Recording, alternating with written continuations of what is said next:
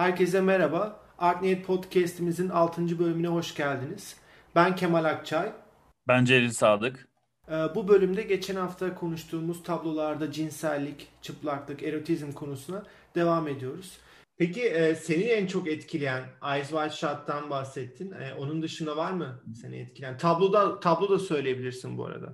Tablo söylerim. Yani dünyanın kökeni beni çok etkiledi. Mane'nin kır demeyi çok etkiler. E, Goya'nın e, giyinik maya ve çıplak maya çalışmaları beni çok etkiler. Genel olarak yani cinsellik üzerine bilmiyorum ama hani estetik haz ve güzellik üzerine çıplaklık dediğim zaman aklıma gelen tek eser var. David heykeli, Michelangelo'nun. Yani mükemmel insan, ideal insan e, yapmak istiyor. Ha şunu da anlatayım. E, erkek bedeninden gidiyorken sanat tarihinde şunu da bahsedeyim. Orada da şey soruyorlar aslında. Orada da var aynı durum da. Hani bana sayfada gelen soru şu hep çıplak kadın bedeni var. Aslında bir o kadar da çıplak erkek bedeni var ve ben o kadar da paylaşıyorum. Ama onlara hiçbir tepki gelmezken paylaştığım kadın resimlerine tepki geliyor. Yani e, gözünüzün önüne sokuyorum bazen. Cinsel organlar havada uçuşuyor ama hiç kimsenin kötü bir yorum yazdığını görmedim be erkek resmiyle ilgili. Altına namus kavramıyla işte, namus kavramıyla alakalı olabilir belki de. Bizde işte bizde öyle bir durum oluyor. Ee, ben de e, mesela benim seminerlerimde soruyorlar. Benim seminerime gelen bir ODTÜ'lü bir arkadaş vardı. Bir öğrenci. Çok da hani şu an hala görüşüyorum kendisiyle. Böyle bir, bir iki geldi seminerime. Sonra her hafta gelmeye başladı. Geldi bir gün oturdu. Adına söyleyeyim Zafer. Geldi bir gün oturdu. Ben de Michelangelo anlatıyorum o gün. Michelangelo semineri var. Bir de şey bir çocuk böyle. E, hani girişken, konuşkan, espri yapan seminerde falan. Ki ben seminerimde biraz konuşulsun, birileri bana laf atsın falan çok severim. Dedi ki seminerin sonunda abi dedi soracağım soracağım dedi soramıyorum dedi. Bugün de az kişiyiz içeride böyle 20-25 kişiyiz. Sor dedim Zafer'cim falan dedim. Abi dedi bu dedi dalgalar hep niye küçük dedi. Biz de koptuk tamam yani hani şimdi David heykelinden bahsediyor. Dedi bu dalgalar niye böyle küçük? Ya şimdi bak düşün adam sanat seminerine geliyor tamam mı? Yani hani sanat tarihinle ilgilenen herkesin bir noktada aklına bu soru takılıyor abi. Bizde özellikle. Bizde böyle bir soru var. Ee, bu hani hiçbir şekilde yadırganmayacak bir durum bu. Çok da e, düz bir soru. Ama bunu sormaya çekinmesi daha komik aslında. Ya birkaç seminerdir bunu içinde tutması. Abi neden hani düşünsene çocuk bunu düşünüyor. Abi neden küçükler neden falan hani e, ben de dedim ki bu ideal insan. Burada ön plana çıkartılmak istenen şey cinsellik değil. Bütün oranların vücutta müthiş bir şekilde dağılmasını amaçlamak. Bu antik Yunan heykellerinde de böyledir falan. Hani antik Yunan'da klasik dönemde özellikle heykellerde bir cinsellik görülmez. Ee, sadece insan anatomisinin güzelliği, mükemmelliği, o yaratılışının tasarımının güzelliği verilmeye çalışılır. Bu yüzden hiçbir organ bir diğerini ezmeyecek şekilde yapılır bir diğerinin önüne geçmeyecek. Biraz büyük olsaydı dedim. Biraz büyük olsaydı ilk başta bak ilk başta herkes David'in neresine bakıyor? Bak ilk baktığın yer hiçbir zaman penisi değildir David. İlk omuzlarına, göğsüne, bakışlarına, kafasına bakarsın. Yani başına bakarsın, yüzüne bakarsın anlamında söylüyorum. Ve bir noktada gözün aşağı daha sonra da iner. Yani şu anda hani gülüyorum ama komik abi bu. Bunu bana sorulması komik. Ya neden sürekli erkek cinsel organı küçük gösteriliyor? Bunu da erkekler soruyor. Evet.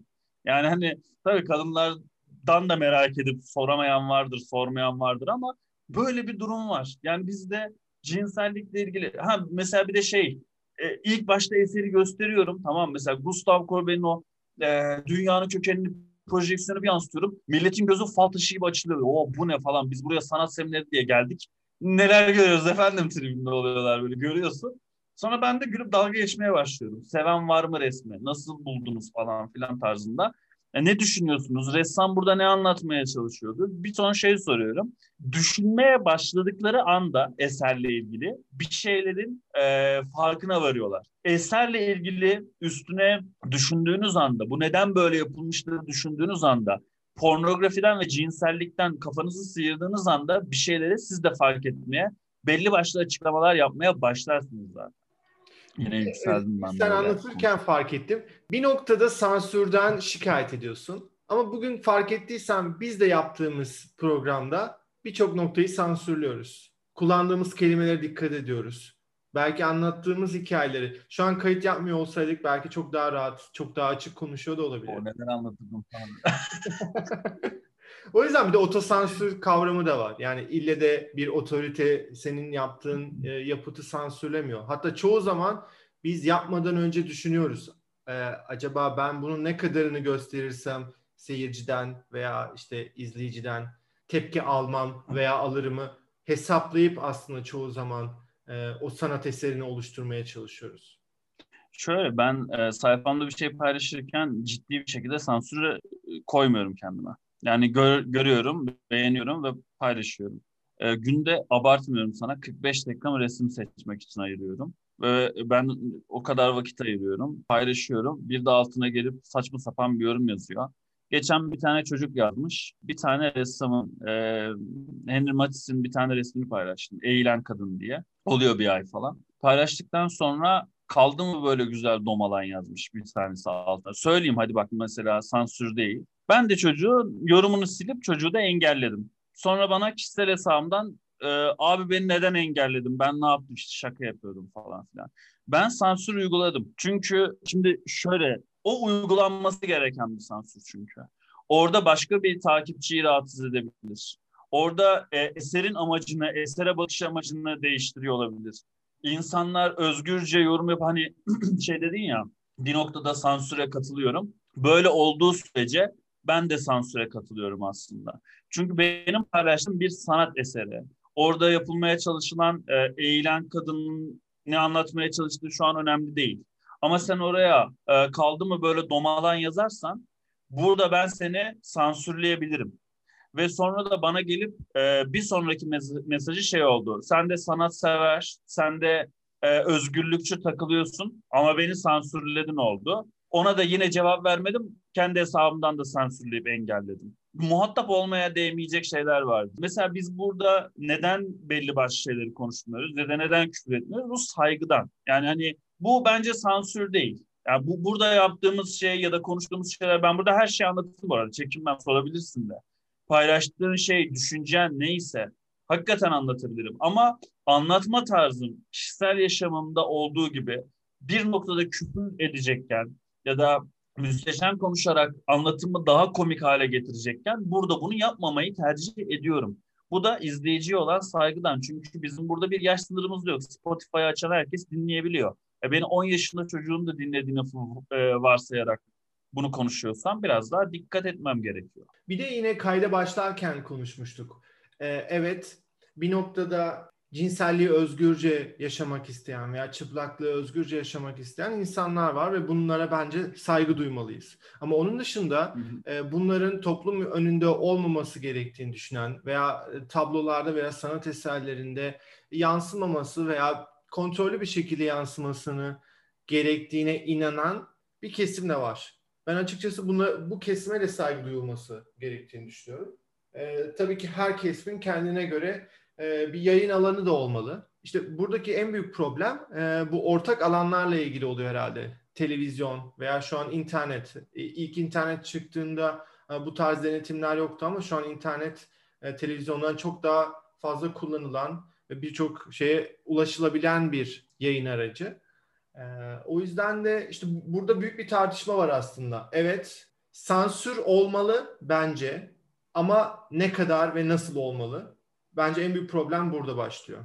Yani bilemiyorum. Bence e, biraz insanların kendi düşüncelerini sansürlemesi, kendi fikirlerini sansürlemesi gerekiyor da diye düşünüyorum. Bu biraz eğitimden de geçiyor. Bizdeki eğitim seviyesi de belli. Şimdi böyle söylüyorum diye belki kızacak olan insanlar da olabilir. Belki sen de hani tepki gösterebilirsin ama ben e, sonuçta sanatın tarihi adında bir sayfada paylaşım yapıyorum. Bana gelen kötü yorumların çoğu beni takip etmiyor diyor.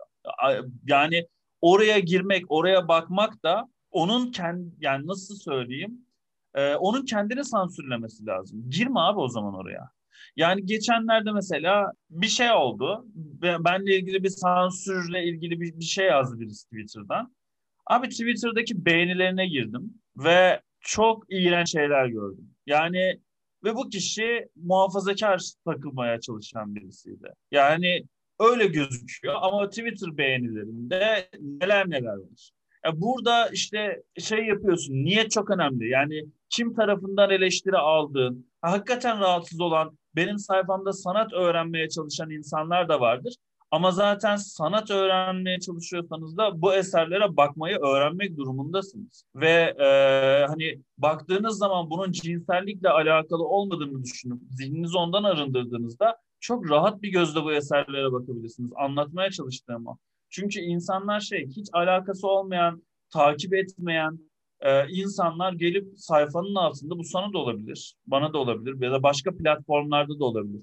İnsanlar hiçbir şekilde ilgilenmedikleri şeyle ilgili pat diye altına yorum yapıyorlar. Yani benim özgürlük alanımı kısıtlamış olmuyor mu o zaman? Ben paylaşım yapıyorum. Ben kendi kitleme paylaşım yapıyorum. Oradan geliyor sanki onun özgürlüğünü kısıtlıyormuşum gibi geliyor. He, şunu anlarım.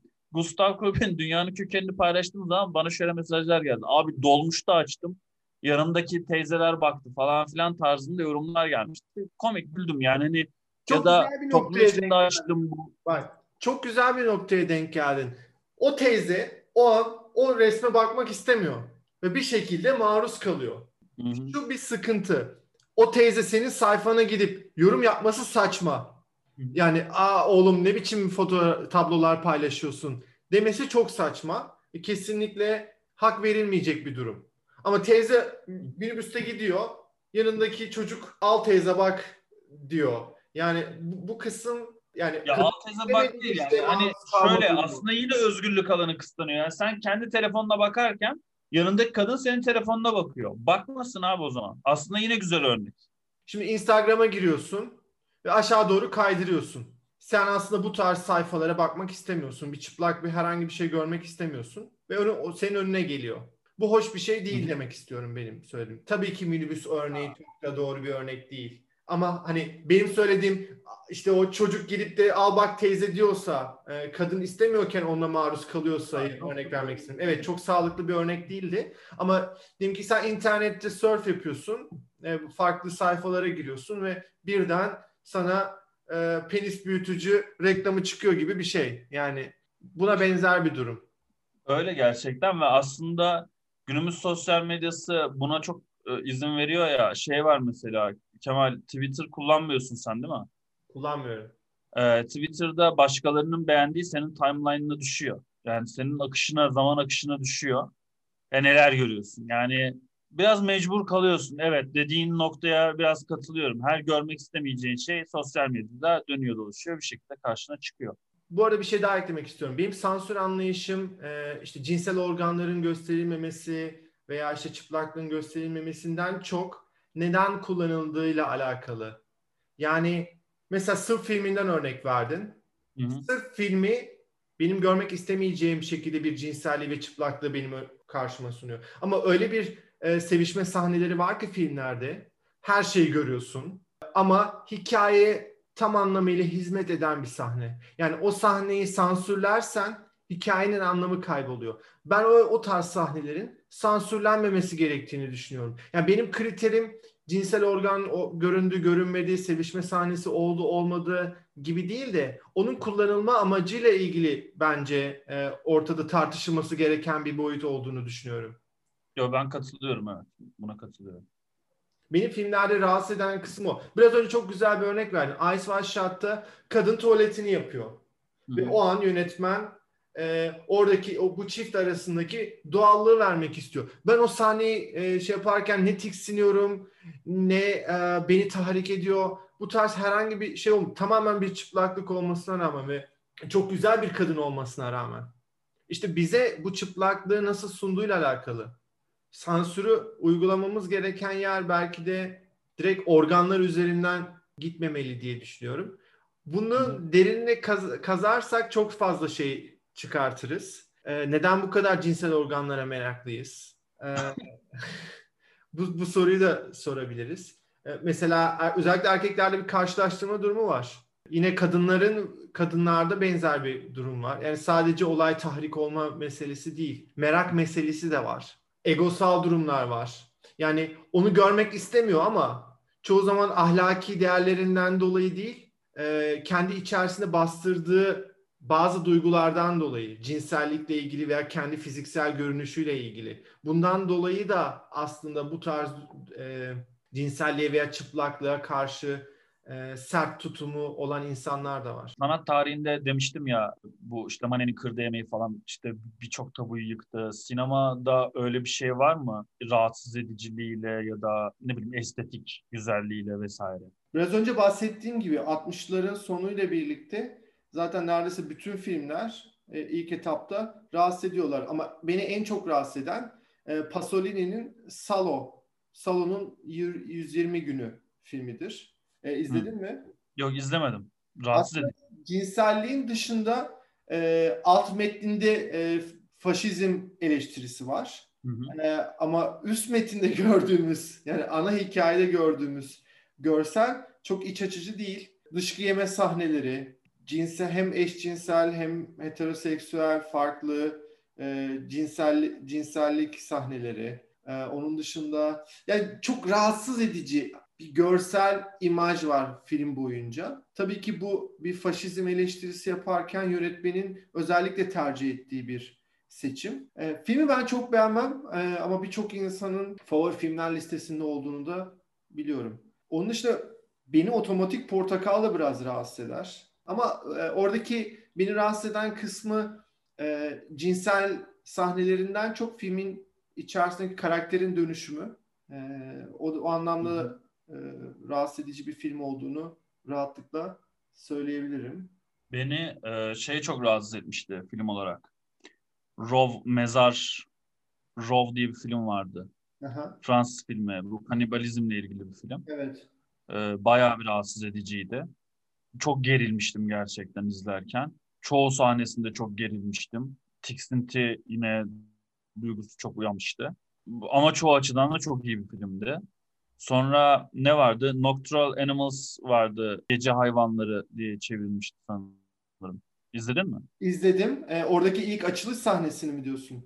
Hayır açılış sahnesi değil. Ee, abi şey sahnesi yani cinsellik falan çıplaklık çok barındırmıyor sahne. Ama otoyolda önlerini kesip de kadınla kızı yani adamın karısıyla kızını alıp kaçırdıkları sahnede yani ben hiçbir filmde o kadar yani o, o dünyanın içine giremedim yani o tip sahnelerde. Aşırı sinirlenmiştim yani hani böyle empati duygusunu tavan yaptıran bir sahne ki sonra da hatta bir kırmızı kamyonetle ikisinin kamyonetin arkasında ikisinin cesedini görmesi, çıplak cesedini görmesi aşırı aşırı beni rahatsız etmişti. Çok e, bayağı kötü olmuştum yani. Hatta böyle günlerce aklımdan çıkmamıştı bu soruyu sorduğun zaman ilk aklımıza gelen tecavüz sahneleri oluyor.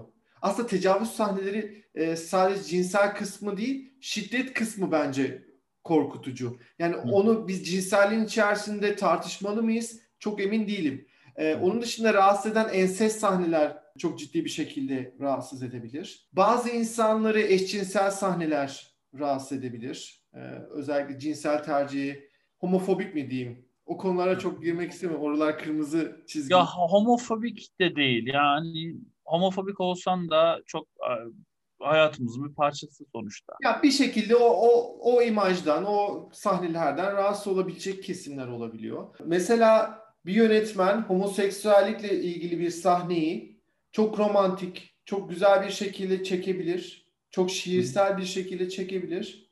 Ama onu izleyen seyirci eğer homoseksüelliğe karşı bir rahatsızlığı varsa her halükarda o sahneden yine olumsuz anlamda etkilenir.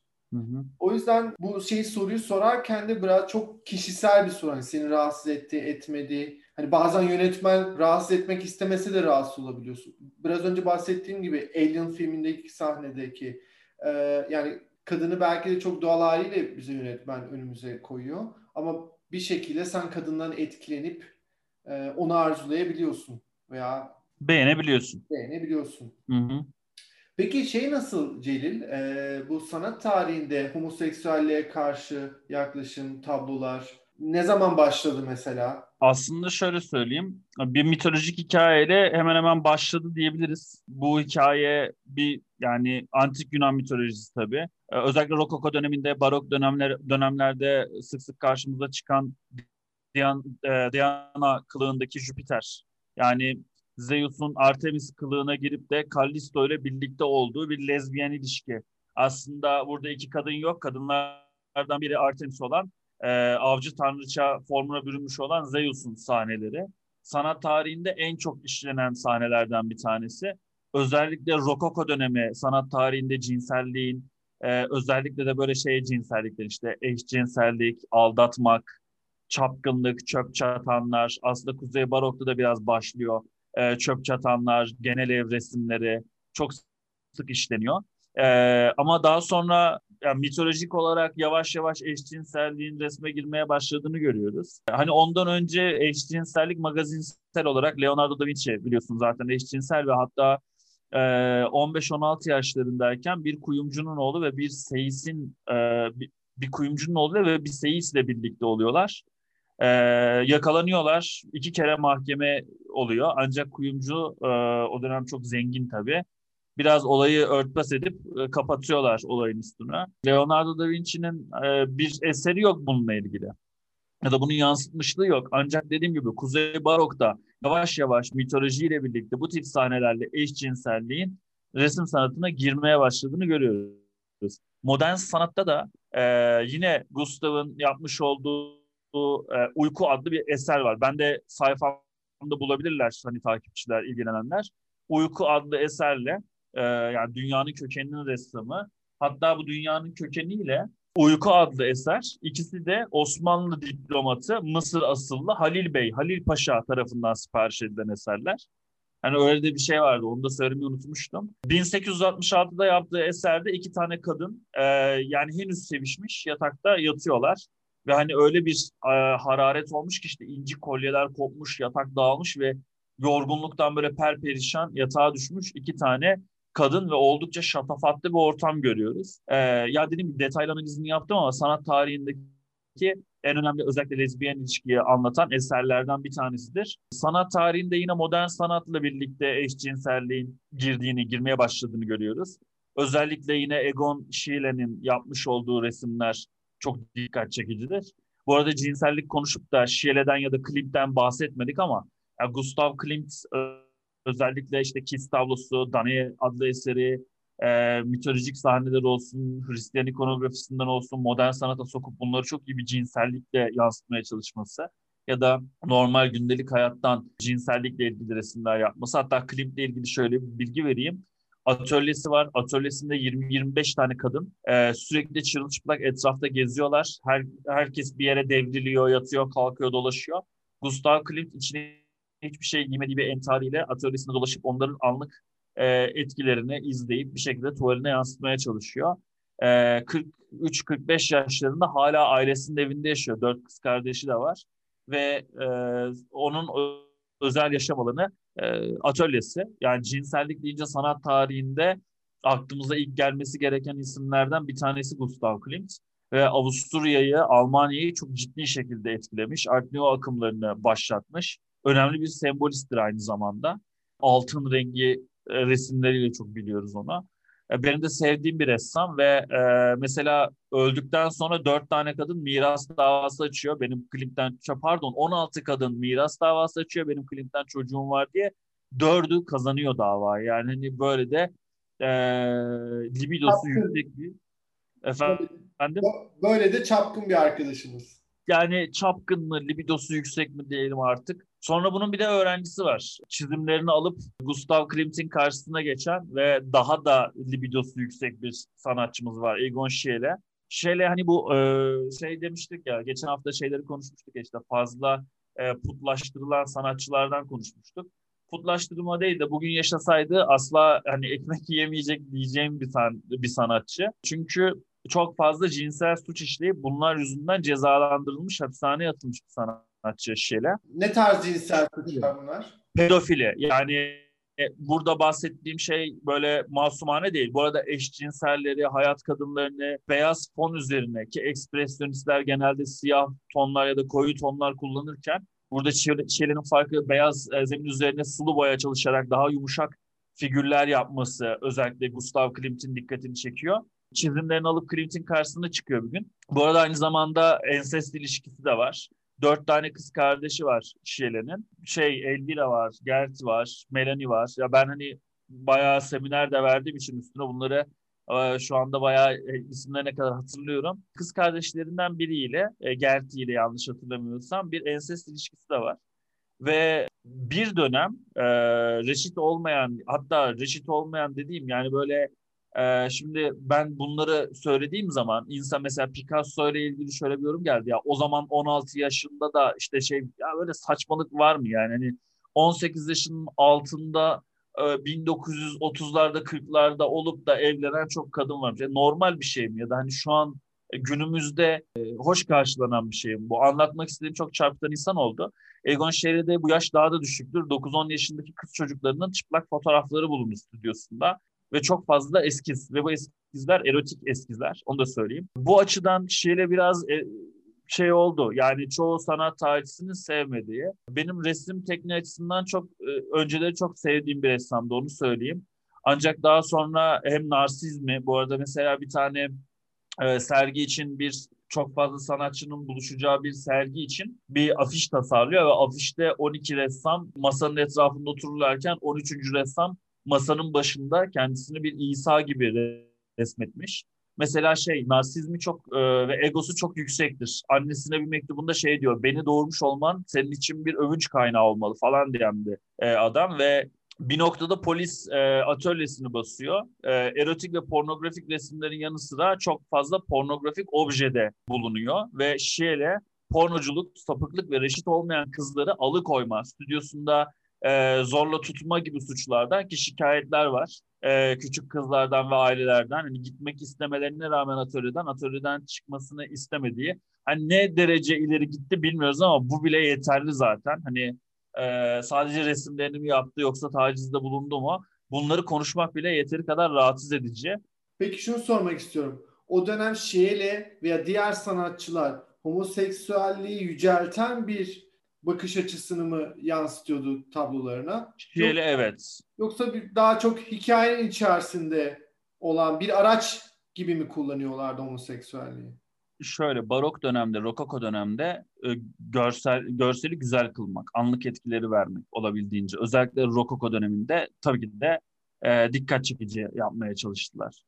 E, hatta Gustav Klimt e, yani hani eşcinsellikle ilgili değil de e, şeyle tabii ki de yüceltiyor. Yani eşcinselliği yücelten bir tavrı var. Daha önceki dönemlerde barok dönemde yani barok dönem olarak bahsettiğim dönemde zaten mitolojik tanrılar, tanrıçaları yansıttıkları için illaki estetik haz almamızı sağlayacak güzellikte ve erotizmde yapıyorlardı bu işi. Burada mesela şeyle gidip de böyle bir suça karıştıktan sonra da bir ay üç gün gibi bir e, hapishaneye atılıyor. E, hani neden bu kadar az falan filan diyecek olursa bugünkü cezalara baksın ya da ceza almayanlara baksın diyeceğim. Toplumda hemen hemen her dönem aynıdır. Artemisia Gentileschi barok dönemde genç kadın bir ressam tecavüze uğradığı zaman ona tecavüz eden Agostino Tassi neredeyse haklı bulundu. Ve Artemisia bir işte nasıl diyeyim o saatte atölyede ne işi var? Vardı dendi. Aslında hep aynı şeylerin hala bugün bile yaşandığını görüyoruz.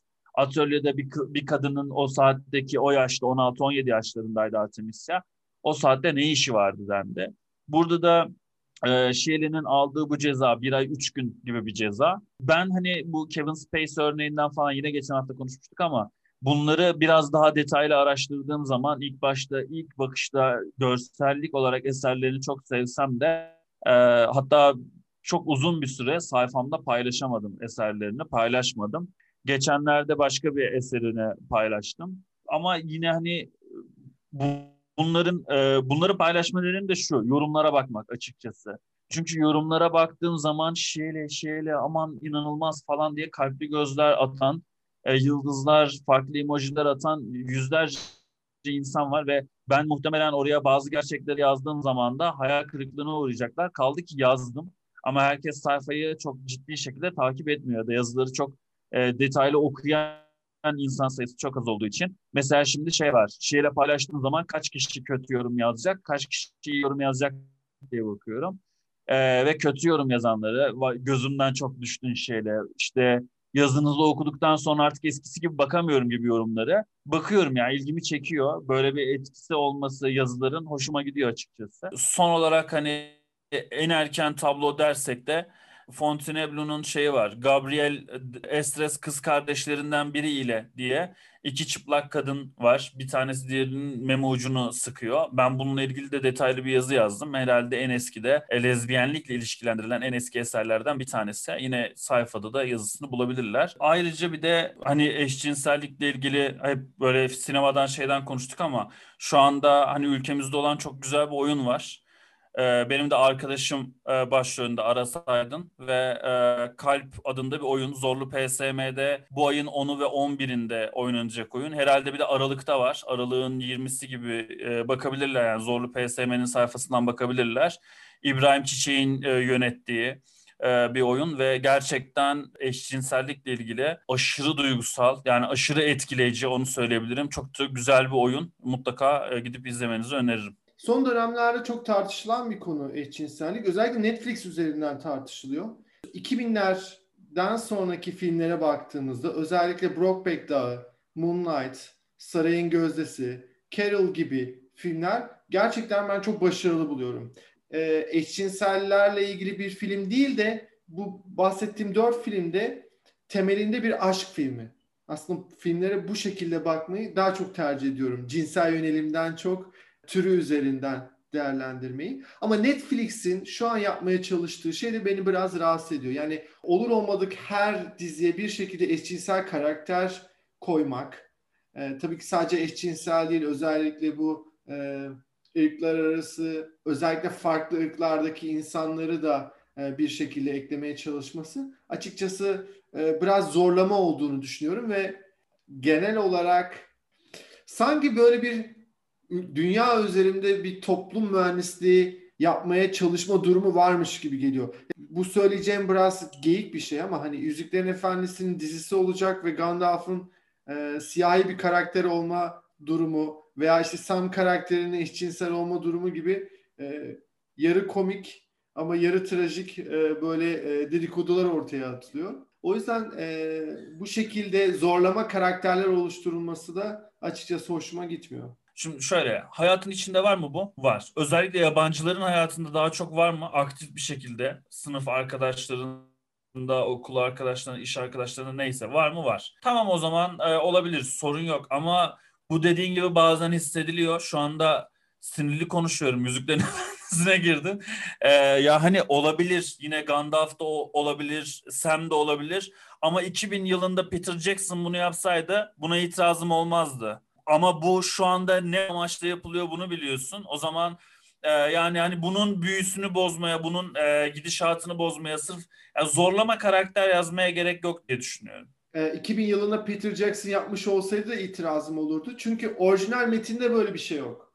Nasıl ki ben Brokeback Mountain'daki o aşk hikayesini e, ha, neden heteroseksüel e, insanlar üzerin, üzerinden anlatılmadı diye e, bir eleştiride bulunmuyorsam Yüzüklerin Efendisi'nin orijinal metni de o şekilde. O yüzden çok haklısın ya. Ya gerçekten haklısın. Buna hiçbir şey diyemiyorum yani. Veya sadece Yüzüklerin Efendisi değil. O espri mahiyetinde e, geçen bir tabii, tabii. E, internetteki bir durumdu. Ama bahsettiğim hani her filmde mutlaka bir eşcinsel olması, her bir dizide eşcinsel olması durumu beni rahatsız ediyor. Veya şey... bir siyahi karakterin eklenme durumu Beni Kesinlikle aynı şeyi söyleyecektim. Yani siyahi karaktere giriyordum. Bak her yapımın içinde olmasına gerçekten itirazım yok. Yani ama bu bu gözümüze sokulduktan sonra e, ucuzlaşmaya başladı. Aşil şey izleyeyim dedim. Truva'da şey e, Truva'da diyorum. Netflix'te Truva diye bir 3-4 bölümlük bir şey gördüm. Abi Aşil siyahiydi kapattım. Bak bu kadar söyleyeyim. Aşil siyahi bir karakterdi kapattım. Ama Celil bir şey itiraz edeceğim bu noktada. İnan bana Brad Pitt kadar da sarışın değildi. Değildi ama abi siyahi de değildi. Bu, bunu e, esmer bir karakter koyabilirsiniz. Yani daha bugün Anadolu insanı gibi ya da bugünkü Yunan insanı gibi bir mesela Truva'daki Hector'u oynayan e, aktörün adını unuttum. Truva Eric filmi. Brad Pitt'in oynadığı. Ha, Eric Bana oynayabilirdi. Ya o tarz bir adam oynayabilirdi. O tarz bir karakter oynayabilirdi. Yani şu anda düşünsene abi hani tarihi dizi film çekiyorsun. Tarihi gerçekliği bilinen insanların hayatlarını bu şekilde değiştirip onları çarpıttığın zaman aslında burada bizim tepki gösterdiğimiz şey bunu para için yaptıkları çok belli değil mi? Bunu izlenmek için yaptıkları, bunu konuşulmak için yaptıkları çok belli oluyor. Bazen konuşulmak için de yapabilirsin. Ama bu konuşulma durumunun da bir noktada altyapısının olması gerektiğini düşünüyorum. Yine sinemadan örnek vermek gerekirse bir Gaspar Noé gerçeği var. Evet, e, Gaspar Noé çok daha deneysel diyebileceğimiz orijinal filmler yapıyorlar ve provokatif de diyebiliriz bu filmlere. Daha önce görmediğimiz tarzda filmler e, oluyor genelde. Ama cinselliğe bakış açısı da e, ilginç bir şekilde birçok insanı rahatsız etmesine rağmen beni rahatsız etmiyor. Belki de adamın o deneysel sinemasını çok özümsediğim için de olabilir. Beni mesela Love filmi, Love filmini izlerken normal bir film izliyormuş gibi izlemiştim. Belki tabii ki ilk 5 dakikada o adaptasyon sürecinde rahatsız oluyorsunuz. Ama film kendi içerisinde tutarlı olduğu için e, beni rahatsız etmiyor. Evet, e, sevişme sahnelerinin biraz uzun tutulduğu konusuna katılıyorum. E, orası e, biraz pornografiye ka- kaçıyor. Ama temelde anlatmak istediği şeyi e, başarılı bir şekilde anlattığını düşünüyorum. Lars von Trier'in Nymphomaniac filmini izledin mi? Evet izledim. Peki nasıl buldun? İyi buldum, güzeldi. Ee, ya izletti bana kendini çünkü e, anlatılmak istenen hikaye o ve o hayatı deneyimlemek istiyorsun ister istemez. Yani işin içinden çıkamıyorsun filmin. Ee, öyle bir hikaye anlatılacakken de öyle sahnelerle desteklemen gerekiyor. Amaca hizmet ediyor her şeyle diye düşünüyorum. Erotizmse erotizm, pornografi ise pornografi. Çünkü anlatılmak istenen şey biraz da o. Yani Nymphomaniac adı üstünde. Yani hani bu filmi çekerken ne kadar kesir sansürleyebilirsin ki? Bunu verebilmek için o, o nenfomanyaklık hissini e, filmden alabilmek için biraz olsun belki empati yapabilmek için hem güzelliğiyle, estetiğiyle hem çirkinliğiyle bu sahneleri yani seni hem cinsel olarak uyaran ama bir yandan da cinsellikten tiksindirecek sahnelere sahip. Öyle, yani ben izlerken çok karmaşık duygularla izlediğimi hatırlıyorum. Bu arada oldu bayağı 4 sene falan en az olmuştur ben bunu izleyeli. Çok da hani böyle e, hani şu sahne vardı bu aklımda var bazı sahneler ama hatırlayamıyorum. E, sen nasıl buluyorsun filmi? Açıkçası ben e, sana katılıyorum. Şöyle söyleyeyim. E, Lars von Trier'in cinselliği veya pornografiyi e, kullanması ile ilgili bir derdim yok. Ama film genel olarak beni çok çekmedi. E, gereksiz uzun olduğunu düşünüyorum. Yani e, uzun biraz anlatılmak istenen şeyi ben alıyorum ama daha sonrasında en azından benim için fazla tekrar olduğu hissiyatın e, oluşmuştu. E, bir de Dönüş Yok filmi var. Dönüş Yok filmini izlemiş miydin? Onun İzledim. Meşhur metrodaki tecavüz sahnesi var. Evet o mesela beni çok etkilemişti. Ama dedi... Ha şey gibi bunun Nocturnal Animals gibi buna da örnek verebilirim. O metrodaki tecavüz sahnesinde en çok rahatsız eden şey ne biliyor musun beni? Sözünü kestim çok özür dilerim. Ama baya hani şey olduğum bir sahne. Bir, bir noktada bir adam o tünele giriyor, izliyor ve geri gidiyor ya. Hani aşırı etkiliyor orası. Hatırlıyor musun orayı? Hatırlıyorum. Ee, ben de şeyde çok kalmıştım. Yine planı çok uzun tutuyor. Yani biz oradan kaçamıyoruz. Evet. Tecavüz anının en başından en sonuna kadar izliyor olmamız e, çok gerçekçi gelmişti bana. Ve dediğim gibi oradaki cinsel kısım değil şiddet kısmı aslında beni geren kısmıydı. Beni her türlü kısmı gerdi ve özellikle cinsel kısmı ayrı gerdi. Şiddet kısmı ayrı gerdi. Bir de üstüne yetmemiş oradan bir görgü tanığı gibi yani bir adam geliyor abi bakıyor Aa, benim işim değil falan diyerek herhalde geri çıkıyor o merdivenleri geri gidiyor oradan. Yani hani birini de aramıyor belki bağırsa yani o, o hissiyatla izliyorsun ya çünkü belki bağırsa bir şey yapsa sesini çıkartsa olaya gidecek ya da kadın oradan kaçacak. Yok abi adam dönüyor arkasını gidiyor ve sen orada çıldırıyorsun ya böyle ekran başında. O çok kötü bir his gerçekten. Mesela bu sahnede şunu diyemem. Ya bu adam neden cinselliği bize bu kadar e, direkt bir şekilde veriyor diyemem. Çünkü amaç o. Evet sanırım konuşacaklarımız bu kadar. Ee, siz de aklınıza gelen filmleri, sahneleri, dizileri, e, ya da düşüncelerinizi filmin anatomisi sayfasına ya da sanatın tarihi sayfasına yazabilirsiniz. E, dinlediğiniz için teşekkür ederiz. E, e, haftaya ne yapıyoruz Kemal? Haftaya çılgın sanatçılar, çılgın ressamlar, çılgın yönetmenler. E, biraz daha deli bir program bizi bekliyor olacak. Çılgın oyuncular da olacak mı için içinde? Olsun bence. Bilmem kafamızı eserse onların hakkında da konuşuruz. Benim aklıma gelir çünkü birkaç tane zaten. Ya konuşulur ya. Biz zaten bir başlayınca konu, konudan da kop, kopuyoruz ya. Bu sefer Konuş... kalırız gibi konuda. Çünkü kalırız kalırız. Olduğu için. Evet. İnşallah. Hadi bakalım. ee, tekrar teşekkürler herkese. Haftaya pazartesi görüşmek üzere. Görüşmek üzere. Hoşçakalın.